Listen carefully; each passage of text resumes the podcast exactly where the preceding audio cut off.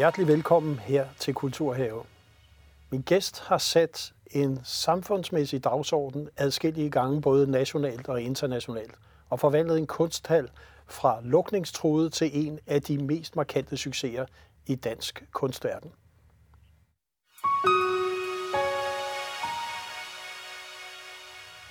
Og velkommen til dig, Michael Tauber, direktør for Kunsthallen Charlottenborg, som du i 2015 overtog. Du kom fra, som jeg tror, det var kanalchef på DR2.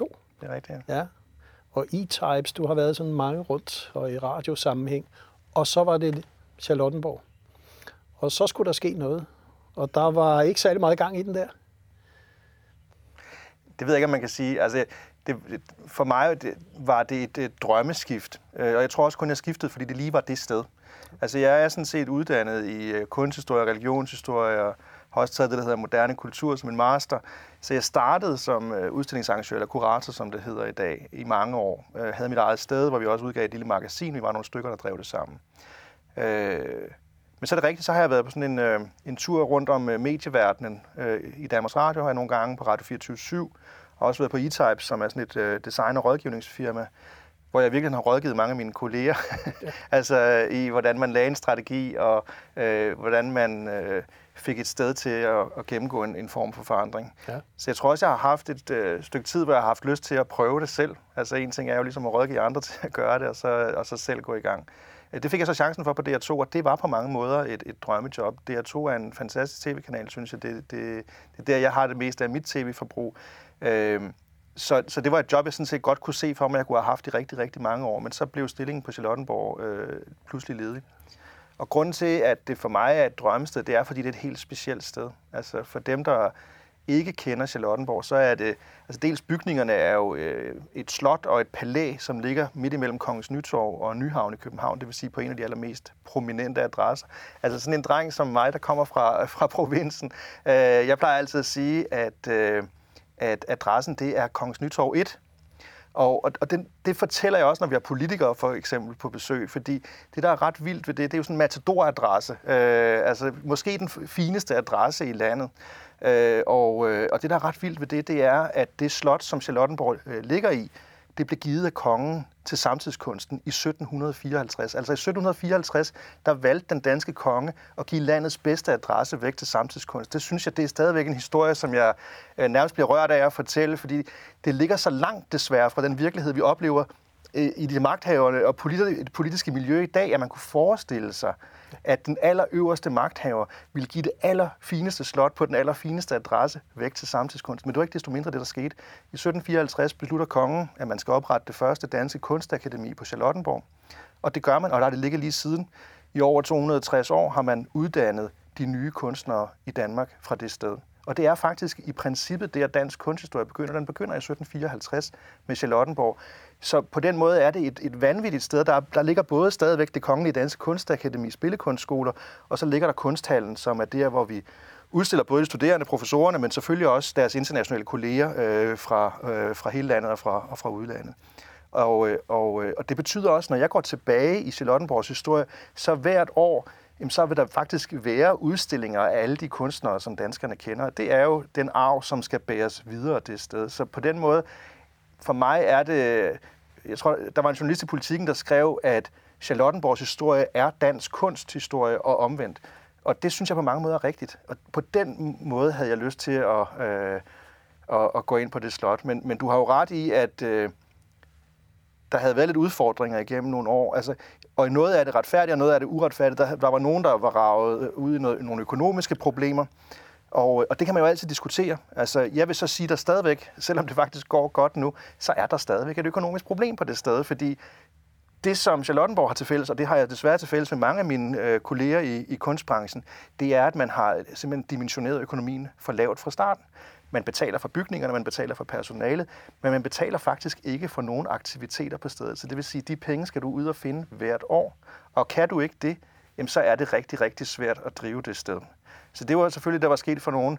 Men, men det, som var ret fantastisk at se på, det var selv i de svære år, var det et ret stærkt program, der havde været der. Man havde måske bare glemt at fortælle om det til den danske offentlighed, så kom der ikke så mange og sådan noget. Men, men, men, men, men, men men det har faktisk været båret af en høj faglig integritet i alle årene. Og det synes jeg, øh, det var også et godt sted så at, at, at begynde at sige, lad os holde fast i det, og hvad skal vi så lægge ovenpå? Og så gjorde du i hvert fald noget ved bygningerne, hvor Ai Weiwei i relation i 17, hvor der skete en masse ting omkring flygtningeproblematikken, at du beklædte bygningen, eller han gjorde, og der skete jo noget internationalt der, der også var ret fantastisk. Ja, altså da jeg træder til i september 2015, det er på samme tidspunkt, som flygtninge går op i det danske motorveje. Og jeg tror for os alle sammen var det et paradigmeskifte, øh, både i sådan øh, synet på flygtningekrisen, at pludselig blev den meget nærværende. Der blev sat nogle ansigter og nogle menneskeskæbner på, øh, og, øh, og man kunne ikke rigtig skjule sig bag ved, at det bare var en gruppe eller nogle tal eller fra et fjernt land. Man blev nødt til at gøre noget. Øh, og, øh, og så, så var det på forsiden af alle aviser, og alle snakkede, og så blev der i virkeligheden ikke gjort så meget. Og så blev problemet lidt glemt. Altså, det rykkede længere og længere ind i avisen, og øh, forsiden, de var væk, og politikerne kunne også slippe afsted med ikke at, at tale så meget om det. Øh, men problemet var der stadigvæk. Der var stadigvæk folk, der druknede på, på, på kysterne af Europa. Øh, og i 2016, året efter, at, at jeg trådte til øh, på Charlottenborg, der laver vi en studietur for, for personalegruppen til Wien, øh, fordi de har et ret stærkt øh, samtidskunstliv øh, i byen der. Og der har øh, den kinesiske kunstner Ai Weiwei blandt andet en udstilling øh, på det, der hedder Belvedere-paladset, som er sådan et lille palæ, lidt ligesom Charlottenborg i virkeligheden, men der er sådan en kæmpe sø foran. Og vi kommer kørende øh, i en taxa øh, igennem Wien, og der, det er sådan ned ad en bakke, man kører ned mod slottet. Og op fra toppen af bakken øh, kan man ligesom se, at der er kæmpe store åkander i hele den der sø, hele vejen op til slottet. Det ser fantastisk ud, meget, meget smukt. Og vi kommer ned og parkerer taxaen og går op langs søen, og da vi kommer helt tæt på, så pludselig kan vi se, det er slet ikke åkander det her. Det er træplader, hvor der er påspændt redningsveste samlet op på Lesbos, den, den græske ø, der hvor flygtninge kommer i land, og det er de rigtige redningsveste, der er spændt på her. Der var små arabiske digte, der var øh, lort og pis og så videre på, på de her redningsveste. Og for mig var det, altså, øh, det var en kniv i maven. Altså, øh, og, og på mange måder det, som jeg synes et rigtig godt kunstværk, i hvert fald hvis man gerne vil påvirke mig i en politisk retning, eller have min opmærksomhed, skal kunne, at det både har et æstetisk lag, hvor man ligesom tænker, gud, hvor er det smukt, og når man så kommer tæt på, så finder man ud af, shit, var det det, det handlede om? Øh, og, og, og jeg var simpelthen nærmest ved at kaste op, og jeg får stadigvæk gåsehud, når jeg, sidder og taler, når jeg sidder og taler om det nu. Det var så vildt et værk, og så havde jeg tilfældigvis nogle måneder inden haft nogle samtaler med forskellige kuratorer om, hvad kunne man finde på at samarbejde. Og en af dem var Louise Fagerskov, øh, som jeg faktisk gik på kunsthistorie med i, i, i gamle dage. Og hun havde nævnt forskellige ting. Jeg ville gerne lave noget med, med kvindelige kunstnere i Mellemøsten. Det blev så alle mulige grunde ikke til noget. Øh, men det havde Louise faktisk arbejdet med før, så det var derfor, jeg havde indbudt hende til et møde. Men hun nævnte så selv, at hun var i gang med en række samarbejder med Ai Weiwei. Øh, og han godt kunne tænke sig at lave noget. På det tidspunkt havde han faktisk trukket sig fra en udsending i Danmark på grund af smykkeloven. Altså øh, den her lov, hvor man ville tage smykker fra flygtninge, der kom til landet. Det var ligesom den måde, man dealede med, med flygtningespørgsmålet i Danmark. Det var øh, at, at, at tage de ting fra dem, de så, de så havde på kroppen, når de kom ind i landet. Øh, og, øh, og han kunne godt tænke sig på et tidspunkt, når timingen var rigtig, at vende tilbage og lave en større manifestation i Danmark på FN's internationale flygtningedag.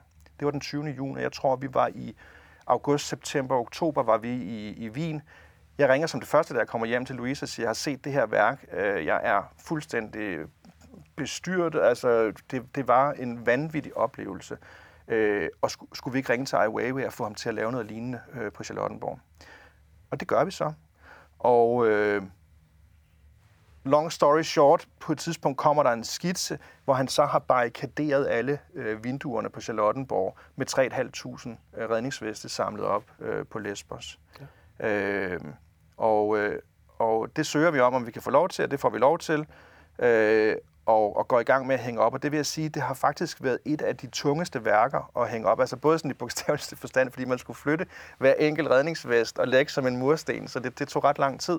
Øh, fordi han ville gerne have, at man ligesom, øh, Charlottenborg er jo den her røde murstensarkitektur, så han ville gerne have, at det ligesom illuderede, at man simpelthen havde barrikaderet vinduerne øh, med, med mursten, øh, som var de her redningsveste.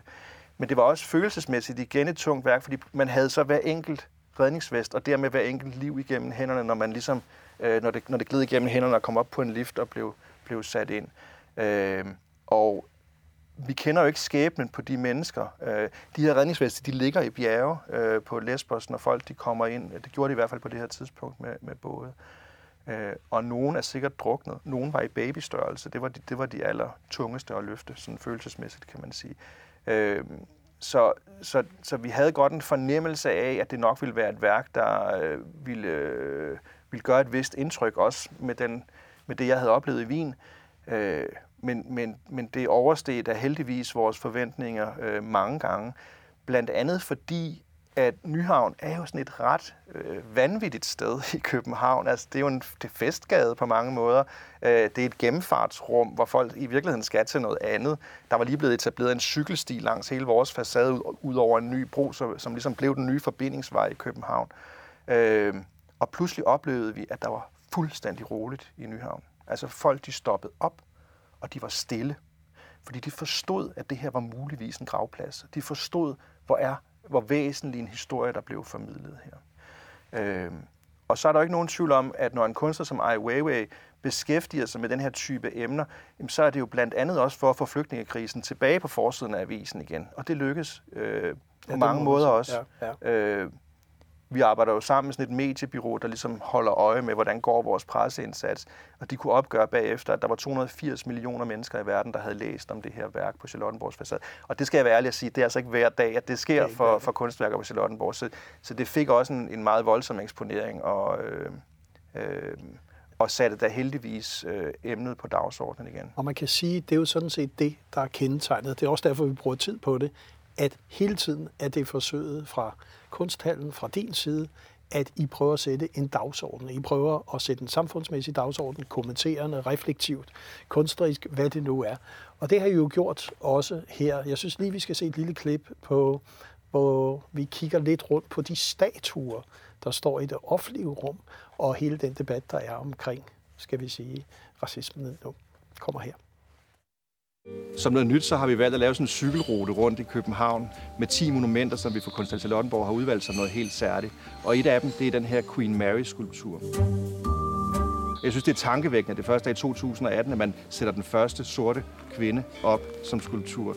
De fleste kvinder, der er blevet øh, lavet som skulpturer igennem kunsthistorien, de er nøgne, fordi der hylder man deres skønhed. Hvorimod mændene, der er det deres bedrifter. Hende her, hun bliver faktisk hyldet for sin bedrift, at hun var oprørsleder øh, mod den danske kolonimagt på, på de vestindiske øer. Og så står hun for mig ikke kun som et symbol på fortiden, men også på fremtiden. Danmark er ved at blive et multikulturelt land, og derfor har vi aldrig talt om racisme så meget før, som vi gør lige nøjagtigt nu, hvor du, hvis du går ned ad en gade i København, så møder du faktisk mennesker fra hele verden. Ja, det er 100 år siden, at Danmark opgav sine kolonilande. Men hvor meget har egentlig ændret sig på de 100 år? Er der ikke stadigvæk den samme skæve fordeling socialt og økonomisk i verden? Ja, og vi er i gang med en samtale om samtidskunsten og kunstens betydning, hvad den kan gøre som kommenterende reflektiv i relation til de store begivenheder og udfordringer, som vi har i samfundet.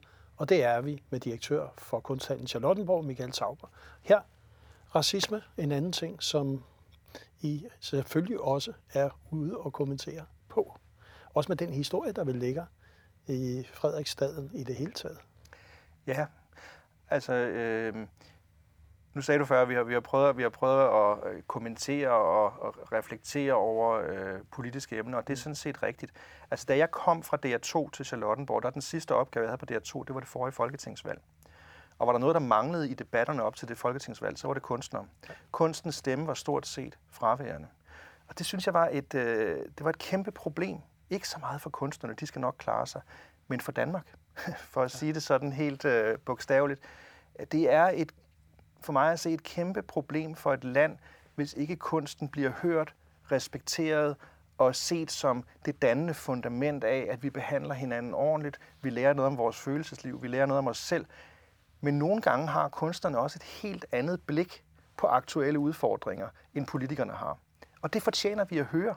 Især i en tid, hvor vi står over for øh, kolossale udfordringer klima, med klima, med terror, med flygtninge, med en lang række af de her emner, som får en kæmpe stor eftervirkning, ikke bare for dig og mig, men også for generationerne, som følger efter os. Og der tror jeg på, for det har jeg selv oplevet, at kunstnerne kan have et andet svar på nogle af de udfordringer, end det politiske establishment. Og derfor, da jeg, da jeg trådte til på Charlottenborg, der havde jeg meget den vision, at vi skulle have på en eller anden måde have kunstnerne tilbage i øh, i samfundsdebatten. Øh, og det, det var jo selvfølgelig med den bagage af, at, der, at jeg oplevede på DR2, der ikke skete så meget. Og ja, så er udfordringen så, hvordan gør du så det? øh, fordi øh, nogle af kunstnerne er sådan et sted helt af over for mediernes måde at gøre det på, at komme ind og debattere i sådan en kryds, hvor der sidder en herover der mener det ene, og så skal man sidde herovre og mene det andet.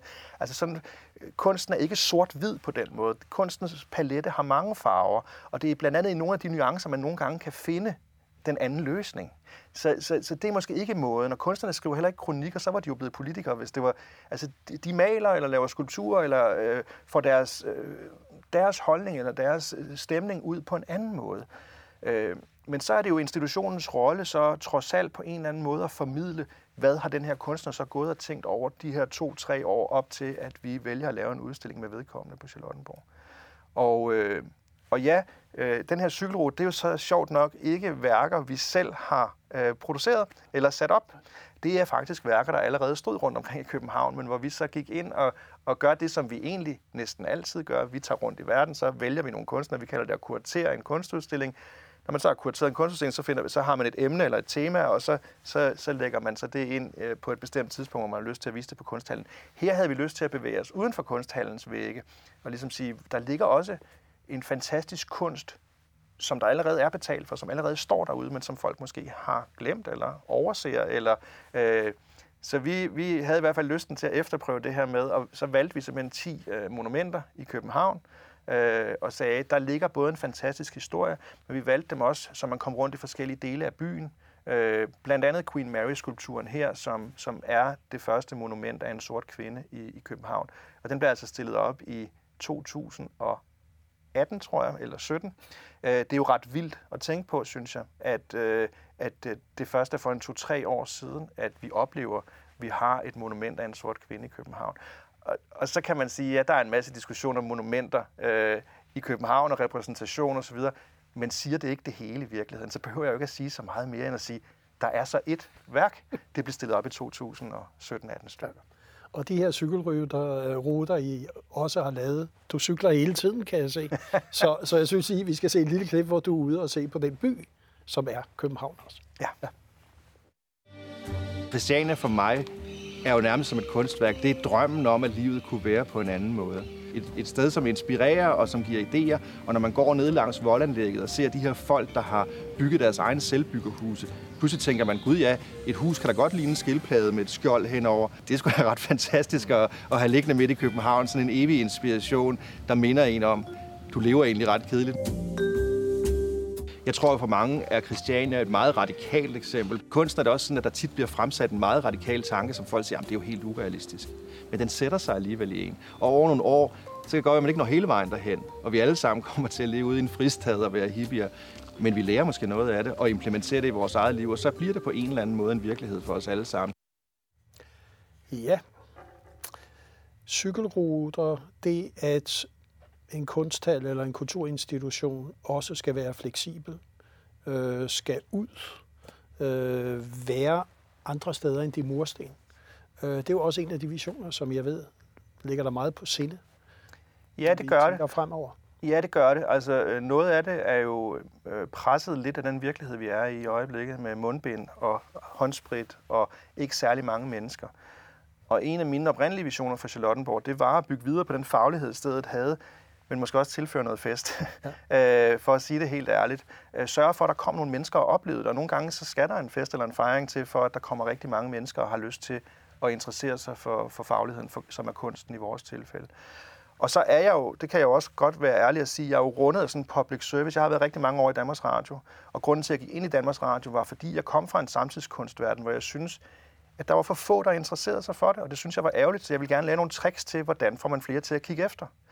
Og, og, og det er ikke sådan, for mig var det ikke sådan et spørgsmål om, markedsføring eller flest muligt. Det var simpelthen, altså, jeg tror, den kom ud af, at jeg har selv haft nogle radikalt livsændrende oplevelser med samtidskunst. Og det synes jeg, andre fortjente også. Så jeg havde brug for at lære nogle... Vi havde udgivet et lille magasin i en årrække, og det var faktisk gået relativt godt med sådan et, et magasin om samtidskunst. Jeg synes bare, det blev for småt. altså, og havde lyst til at sige, men det er ligesom, hvis man har læst en god bog, så vil man gerne give den videre til en god ven. Jeg kunne godt tænke mig at give den her oplevelse videre til en million gode venner på samme tid, og hvordan gør man det? Og der, der troede jeg på, at Danmarks Radio kunne, kunne, øh, kunne lære mig noget, nogle af de tricks, som, som de har haft. Men det betyder også, at min filosofi, det er sådan en klassisk public service filosofi. Find det bedste, få det ud til de fleste. Og det er faktisk også det, vi, vi, vi, vi, vi leder efter på Charlottenborg. Det er at finde det allerbedste, vi kan finde, når vi tager rundt og researcher i hele verden, og så sørge for, at der kommer flest mulige danskere ind og ser det. Der må man jo bare sige, at vi er havnet i en situation lige nu, hvor vi ikke kan indbyde flest mulige. Ja. Øh, og den her cykelrute, vi lige så nogle klip fra, den blev faktisk lavet i, 200, i 2018 som sådan et, et, et, et lille forsøg på at øh, en, en sommerting, vi kunne gøre for, for turister. Nu ligger vi jo i Nyhavn, så vi vil gerne sende folk videre, når de har været inde hos os, så vi vil gerne sende dem videre ud i byen og se mere kunst. Øh, men da corona ramte Danmark, og landet lukkede ned, og øh, kunstinstitutioner, inklusive Charlottenborg, lukkede ned, jamen så blev vi jo nødt til at sige, hvad gør vi så?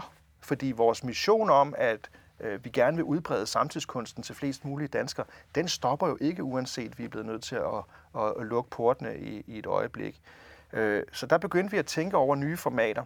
Øh, og et af dem var altså den her cykelrute, vi kom i tanke om. Jamen, vi lavede den der cykelrute på et tidspunkt. Kunne man ikke også lave den i Odense og i Aalborg og i Esbjerg og i Aarhus? Øh, og der har vi så simpelthen gået sammen med nogle af vores øh, bedste kolleger i branchen og fået dem til at kuratere ruter fra deres byer også. Og så har vi lavet sådan en app, en, en, en digital ordning, som man kan have med på sin cykel, hvor der både er kort og også små forklaringer af de her værker. Så der er simpelthen øh, flere og flere byer, hvor vi kuraterer 10 værker i, i hver by. Og det var jo dejligt sikkert, også i en coronasituation, at man kunne, man kunne cykle ud med dem, man allerede er i kreds med, og øh, ude i det fri øh, se på kunsten. Vi, øh, vi lavede også et partnerskab med et amerikansk kunstnerkollektiv, som vi var i gang med at lave en udstilling med, da vi lukkede på grund af corona. De havde så udviklet en internetplatform, en slags kunstens svar på Netflix, hvor man simpelthen kan se øh, kunstfilm fra hele verden. Øh, og der sagde vi til dem, at øh, den udstilling, de var i gang med at lave ind hos os, lad os få de videoer, det er også, det er også sådan tv-serieformater, som de så har fået kunstnere til at lave deres version af, og de er noget anderledes, skal jeg sige, end, end det, man ser i traditionelt tv eller på Netflix for den sags skyld. Øh, men, men lad os få dem lagt ind på platformen, og kunne vi så gøre det sådan, at vi gjorde det gratis for alle danskere. Øh, og det var der heldigvis nogle danske private fonde, der, der var søde nok til at se muligheden i at hjælpe os med både at få udbredt den der cykelrute, og få udbredt digitalt, at man pludselig kunne sidde hjemme i sin egen stue i, i karantæne og øh, og se videokunst fra hele verden. Øh, og det skal man jo skynde sig at sige, at, at hver gang vi laver noget, så er der nogle folk, der skal betale for det. og der er de pri- private fonde i Danmark, Danmark ganske, ganske enestående. Og vi oplevede i coronatiden, at de kunne rykke ekstremt hurtigt, da behovet var allerstørst. Og det er jeg dybt taknemmelig for, for ellers var der ingenting af det her, der kunne lade sig gøre. Men det tror jeg er en rejse, vi skal, vi skal forberede os på, at den kommer vi til at være på et stykke tid. Og i hvert fald vil jeg sige, jeg tror, øh, det sidste halve år har nok lært mig mere end en rigtig mange år øh, forud, hvor vi havde sådan en klar idé om, hvor vi skulle hen, men pludselig er der blevet stukket en kæp i hjulet, hvor man må sige, mange af de måder, vi har gjort tingene på, kan vi faktisk ikke få lov til at fortsætte. Jeg tror stadigvæk inderst inde på, at, at, at vi har fat i den lange ende, og det er egentlig det, vi gerne vil tilbage til. Men hvorfor ikke udnytte situationen og så sige, når det nu er sådan, kan vi så lære noget nyt? Og der tror jeg, øh, vi har oplevet, at pludselig er der nogle nye formater, nogle nye måder at formidle på, nogle nye måder at, at nå ud til danskerne på, som også kan noget. Så det tror jeg også, selvom vi skulle finde en løsning på corona, og det håber jeg ved Gud, vi gør, øh, så tror jeg, vi kommer til at fortsætte med det. Jeg tænker på, hvis du har et ønske, en vision nu, for kunsten, for samtidskunsten, i relation til det politiske, fordi på et tidspunkt, så kommer der et folketingsvalg igen. Øh, hvad vil det være, som kunne ændre både positionen af kunsten, øh, men måske også den impact, den skal have fremover. Jamen, jeg, jeg tror jo, altså det er også derfor, jeg starter med Kongens Nytorv 1-historien. Altså, hvordan kommer vi tilbage til et samfund, hvor magthaverne helt naturligt synes, at kunsten er øh, det sted, der skal placeres? Altså, det var ikke tilfældigt, at kongen i 1754, Frederik den 5. Øh, gav det. Han ville bygge hele byen, hele hovedstaden var jo ikke bygget på det tidspunkt, han bygge hele byen, hele landet, dannelsen, uddannelsen op omkring det sted. Det er jo noget af en vision. Øh, og det kunne jeg da godt tænke mig, at vores politikere i dag fremsatte en vision, der var øh, lige så stærk. Øh, jeg har som sagt selv haft de her oplevelser med samtidskunsten, så jeg ser det jo som mit job at få det ud. Vi holder sådan nogle kaffeklubber, kalder vi dem på Charlottenborg, og det er sådan set efter socialdemokratisk forbillede. Altså Rit Bjergård og nogle af hendes kompaner i 70'erne lavede en kaffeklub, ligesom for at få indflydelse på, på Christiansborg. Øh, og det har jeg simpelthen stjålet, øh, fordi at der, hvor vi desværre oplever allermest, at det svært at få indflydelse, det er faktisk med en socialdemokratisk regering. Og det synes jeg er synd, fordi for mig er det også et symbol på, at Socialdemokratiet ikke rigtig kender deres egen historik. Det var faktisk dem, der stod for, at det første kulturministerium i Danmark blev oprettet, og netop med den ambition om at få den bedste kunst ud til de fleste. Så der har vi jo sådan set et ideologisk ståsted til fælles. Jeg synes bare, de har glemt det. I dag taler de meget om håndbold, og der kunne man sige, hvis jeg skulle håbe på noget der, så vil jeg da sige, så vil jeg da håbe på, at Socialdemokratiet så gik ind og sikrede, at kunstnere fik samme løn som håndboldspillere, hvis vi endelig skal sammenligne de to felter. Øh, fordi der er faktisk en lang række kunstnere i Danmark, der har det rigtig, rigtig svært økonomisk. Og det kan jeg ikke forstå, at den socialdemokratiske regering, som øh, har haft som sin mærkesag i så mange år, at der skal være fornuftige forhold på arbejdspladsen, det er vel kerneværdien for Socialdemokratiet. At de kan acceptere, at vi har et helt kunstmiljø, som, øh, som lider, øh, og som øh, ikke øh, har det økonomisk sundt. Og så vil jeg sige tusind tak, fordi du kom og sendte det her opråb afsted med posten, kan vi sige, både digitalt og andet, til den nuværende regering. Jeg er sikker på, at det historiske ståsted, I står på, at med din entusiasme og ilho, så skal nok dele af det blive bragt tilbage i din tid på Charlottenborg. Tak fordi du kom. Selv tak.